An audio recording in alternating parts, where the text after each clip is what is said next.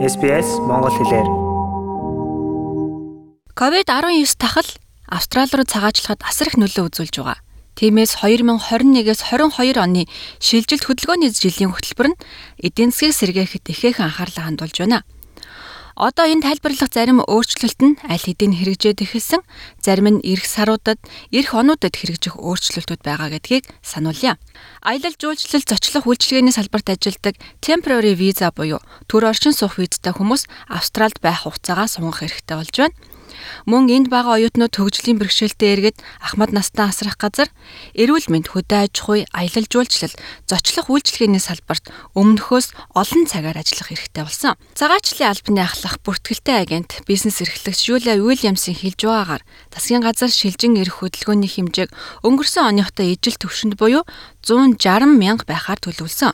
Гэхдээ визний ангилал бүрт оногдох тоог өөрчлөн төлөвлөд байгаа юм а. Энэ хөтөлбөрийн 50% нь ур чадварын виз, өндөр мэрэгсэн цагаачид, бизнес болон хөрөнгө оруулагчдын хөтөлбөр мөн глобал гоц авиасны визэнд илүү давуу эрх олгож байгаа. Иймэрхүү өөрчлөлтүүд хөрөнгө оруулагчдыг Австралид байнга оршин суух боломжийг нээж хөрөнгө оруулалтын өгөөжийг нэмэгдүүлэхэд зорж байгаа юм а. 2020-с 2021 онд бизнес хөрөнгө оруулалтын хөтөлбөрт оногдох визний тоог бараг 2 дахин нэмж 13500 болгосон. Харин глобал таалантуудад өмнөх жилүүдээс бараг 3 дахин өндөр тоо оногдож байна.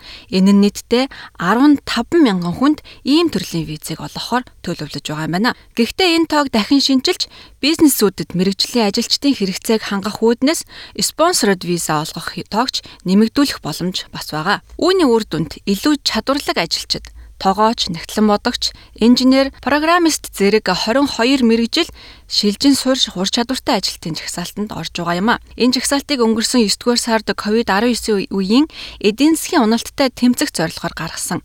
Одоогийн байдлаар энд 41 мэрэгжлүүдийг оруулсан байгаамаа. Холбооны засгийн газар хөдөө аж ахуйн салбарт богино хугацаагаар ажиллах хүмүүс виз олгож хамрах хүрээг ASEAN-ы 10 орн болгон нэмэгдүүлж байгаа. Мөн Нортерн болон Австралийн хөдөө орон нутгуудад аялал жуулчлал, зочлох үйлчилгээний салбарт holiday визатай хүмүүст хамааралтай бас нэгэн өөрчлөлт оруулад байна. Энэ бол 2022 оны 3 дугаар сараас эхлээд тэд нар фермерт ажиллах 88 өдрийг үл харгалзан дараагийн визээ сунгах боломжтой болж байгаа юм. Энэ оны 11-р сараас эхлэн хэрэгжиж байгаа өөр нэг өөрчлөлт бол партнер виза авч байгаа хүмүүст хамааралтай. Тэд анх гэрлээд 2 жилийн виз авдаг, дараа нь үүнийг үргэлжлүүлэх буюу 2 дахь шатны визийн эрхээ авахын тулд англи хэлний шаардлага хангах ёстой гэсэн өөрчлөлт орж байгаа юм байна. Засгийн газраас ажилчдын хомсдол үүсэж байгаа асуудлыг шийдэхийн тулд 408 буюу ковид үеийн төр визэнд өөрчлөлт оруулсан. Аялал жуулчлал, зочлох үйлчилгээний салбарыг цар тахалд өртсөн салбарт оруулж байгаа нь энд байгаа гадаад оюутнуудад ашигтай тусж байгааг цагаачлал визний хуульч Жулия Вильямс хэлж байна.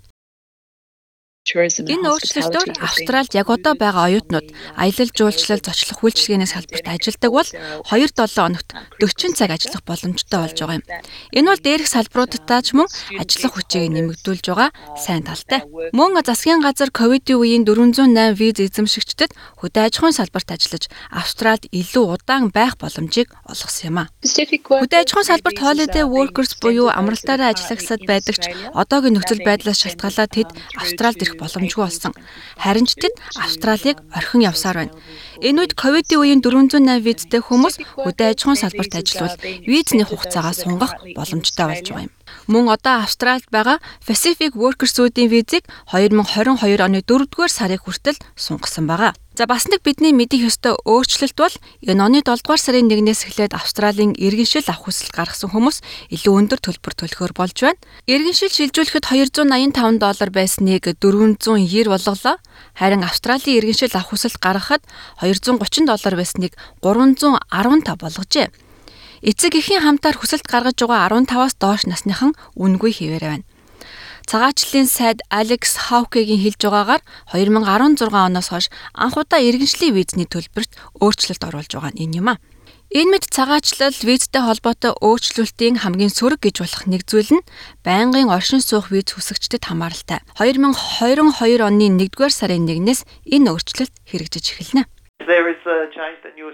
Энэ шинэ өөрчлөлтөөр шинэ австралчууд засгийн газраас олгодог халамж үйлчилгээг 4 жилийн дараагаар авч эхлэх юм а. Энэ нь зардал бууруулах гэж авсан арга хэмжээ байх. Гэхдээ инглигээд мөнгө хэмнэж чадах эсхийг хэлж мэдэхгүй юм. Ингээд энэ удаагийн оршин суух хөтөлбөрөөр дуусгаж байна. Бидэнтэй хамт байсан та бүхэнд баярлалаа. Австрали улсад амьдарч эхлэх гэж байна уу? Хэрэгтэй мэдээллийг SBS.com.cg юу? Уршаа зураас Mongolian хуудасаас хүлээн авах нь